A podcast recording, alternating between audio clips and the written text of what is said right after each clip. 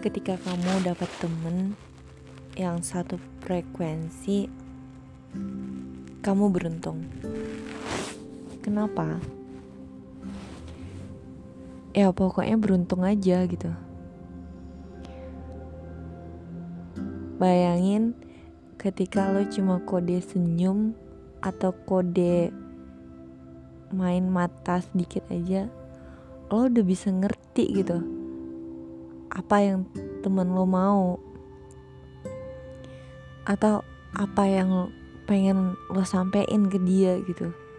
Udah nyambung aja udah connect aja setelah beberapa saat kemudian lo sama dia bakal ketawa bareng gitu ngakak nggak jelas. Hanya untuk melepaskan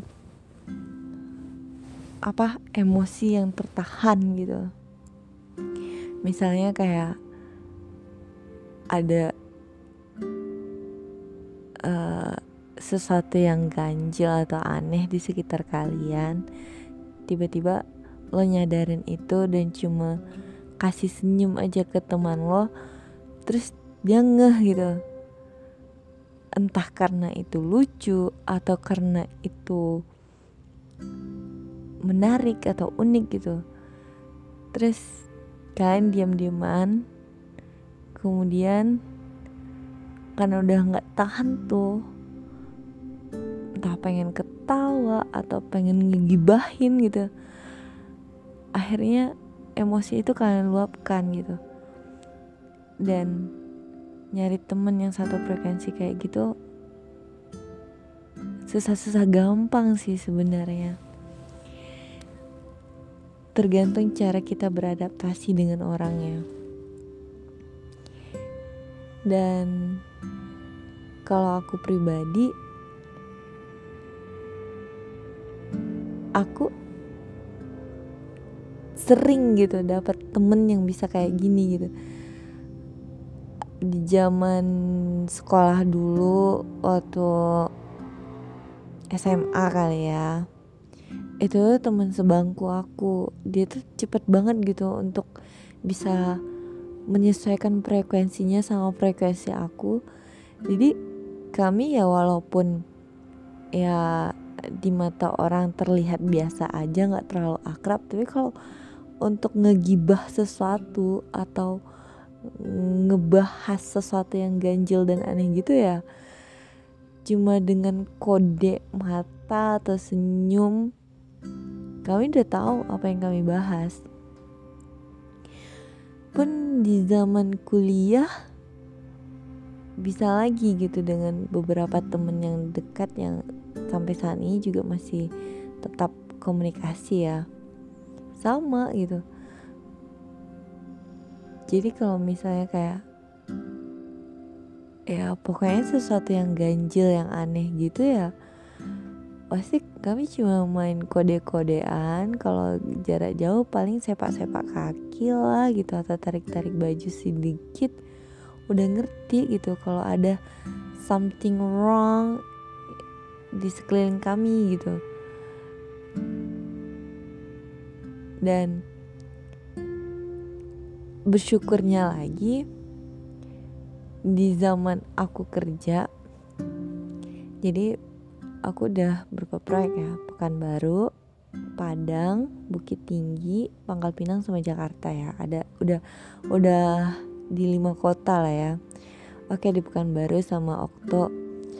Itu tuh ya oke lah ya. Dia temen angkatan temen satu jurusan satu kampus. Jadi ya untuk ngebangun chemistry untuk ngebangun frekuensi yang sama itu sama dia mah udah cincai lah. Sampai sekarang pun juga mudah banget gitu kalau sama dia gitu karena udah udah kenal dari lama juga kan.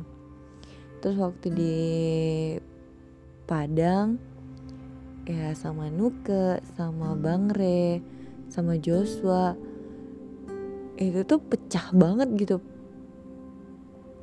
Kode-kodean yang ya yang menghubungkan frekuensi kami yang nggak jelas itu ya pecah banget gitu kece badai deh gitu. Dulu sampai grupnya aja sampai kece badai gitu. Ya saking udah klopnya sekarang pun walaupun jarang komunikasi jarang uh, jarang ngubungin ya tapi tetap aja ketika saling komunikasi ya kayak nggak pernah bisa gitu. Saking frekuensinya tuh udah connect gitu. Terus waktu di Pangkal Pinang ya karena aku datang belakangan di project itu jadi di sana udah ada frekuensi tinggal akunya yang menyesuaikan dan sama gitu juga. Jadi aku ingat waktu di Pangkal Pinang itu kami lagi makan gitu ya di kayak warung pecel lele ayam penyet gitu kan. Terus ada ya biasa lah ya namanya juga orang makan pasti banyak banyak pelanggannya banyak konsumennya gitu. Dan ada yang ganjil gitu ya udah cuma cuma senyum si sikit aja senyumnya gitu kan. Habis langsung semua diam semua hening. Setelah orang yang pergi baru ngakak ketawa dan menceritakan versi masing-masing gitu. Menggibahkan perasaan emosi masing-masing gitu. Dan itu seru syukurnya sampai di Jakarta ini pun ya di kantor ya lebih tepatnya. Karena sama teman-teman yang di sini aku cuma ngejalin komunikasi itu hanya untuk kerjaan gak lebih gitu. Walaupun ngebahas yang lain. Tetap aja kode kayak gitu tuh masih kami perlukan gitu. Jadi misalnya kayak ketika kami lagi nggak struck dengan keputusan-keputusan manajemen yang yang kurang oke okay gitu atau kami lagi ngebahas uh, apa ya ngebahas ya yang sifatnya ngegibah lah ya ngegunjing orang gitu lah ya. Dosa sih sebenarnya tahu gitu. Cuma ya kadang kayak manggil misalnya kayak Mas Haji gitu manggil Mbak gitu. Dia tuh kayak ada ada intonasinya gitu ya. Maksudnya kalau kayak kode gitu ada ada intonasinya gitu atau kayak Mas Mas gitu. pasti udah udah nge oh ada sesuatu nih gitu. Langsung radar kami masing-masing juga langsung langsung nyari oh itu ya gitu. Oh gini kan oh itu itu yang yang yang buat betah di salah satu tempat kerja itu frekuensi yang nyambung itu gitu. Terus tadi kan aku bilang tempat kerja aku ada udah ada lima kota salah satunya Bukit Tinggi gitu. Di Bukit Tinggi itu sebenarnya untuk teman-teman masih banyak yang dari Padang juga dari project Padang. Cuma karena beda beda divisi lah ya istilahnya ya. Jadi di divisi aku tuh frekuensi mereka tuh terlalu cool banget gitu. Saking cool dan dinginnya aku nggak nggak aku nggak bisa gitu. Aku kalau di tempat yang dingin itu tubuh aku tuh nggak cocok. Aku gampang banget kalau cuaca dingin aku gampang banget kena flu-nya gampang banget sakitnya gitu makanya oh no nggak masuk nih ceritanya. Walaupun waktu di sana ada bang Fu juga ya. Tapi awal-awal aku di project Bukit Tinggi itu bang Fu nggak stay di di situ. Jadi aku nggak ya ya ibaratnya sinyalnya lemah banget di sana gitu. Makanya ketika kapten aku dipindahkan. Terus uh, diganti dengan manajer yang baru. Ya aku ngerasa shit man aku nggak bisa nggak bisa untuk menyatukan frekuensi aku nih. Sinyal aku lemah banget gitu rusak gitu. Makanya ketika di aku mentransferkan diri ke project Pangkal Pinang tuh ya aku ngerasa halo selamat datang di rumah yang baru. Beginilah uh, kondisi orang-orangnya. Dan ternyata frekuensinya masih masuk gitu frekuensinya masih masih oke okay, gitu. Dan uh, apa menyatukan frekuensi itu juga pernah aku rasakan ketika aku pernah menjalin uh, relasi lah ya relationship dengan seseorang. Ya itu zaman kuliah sih.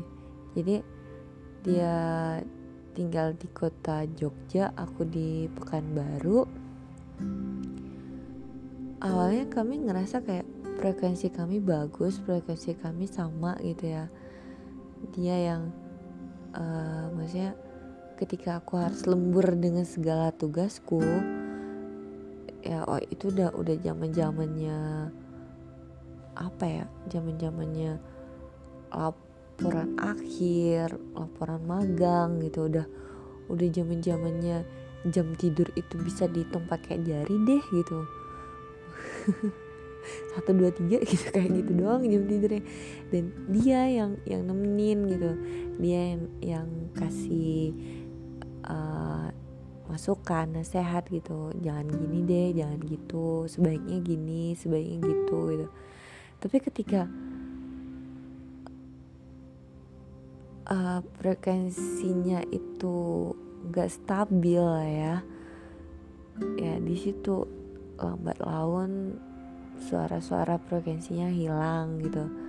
Dan ketika aku menyadari ternyata saluran radio aku udah harus mati udah nggak bisa connect lagi dengan dia aku baru sadar komunikasi itu penting gitu.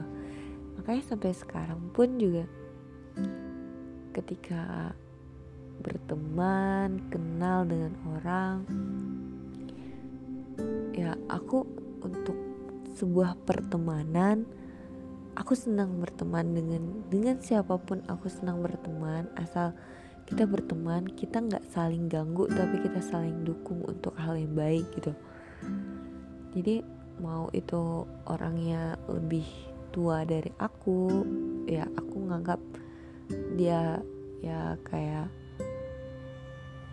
bapak atau ibu yang harus dihormati gitu yang harus diperlakukan dengan hormat gitu atau dengan orang yang seumuran sebaya berarti harus saling menghargai harus saling uh, ya nggak nggak ngeremehkan lah ya harus saling menghargai gitu gitu.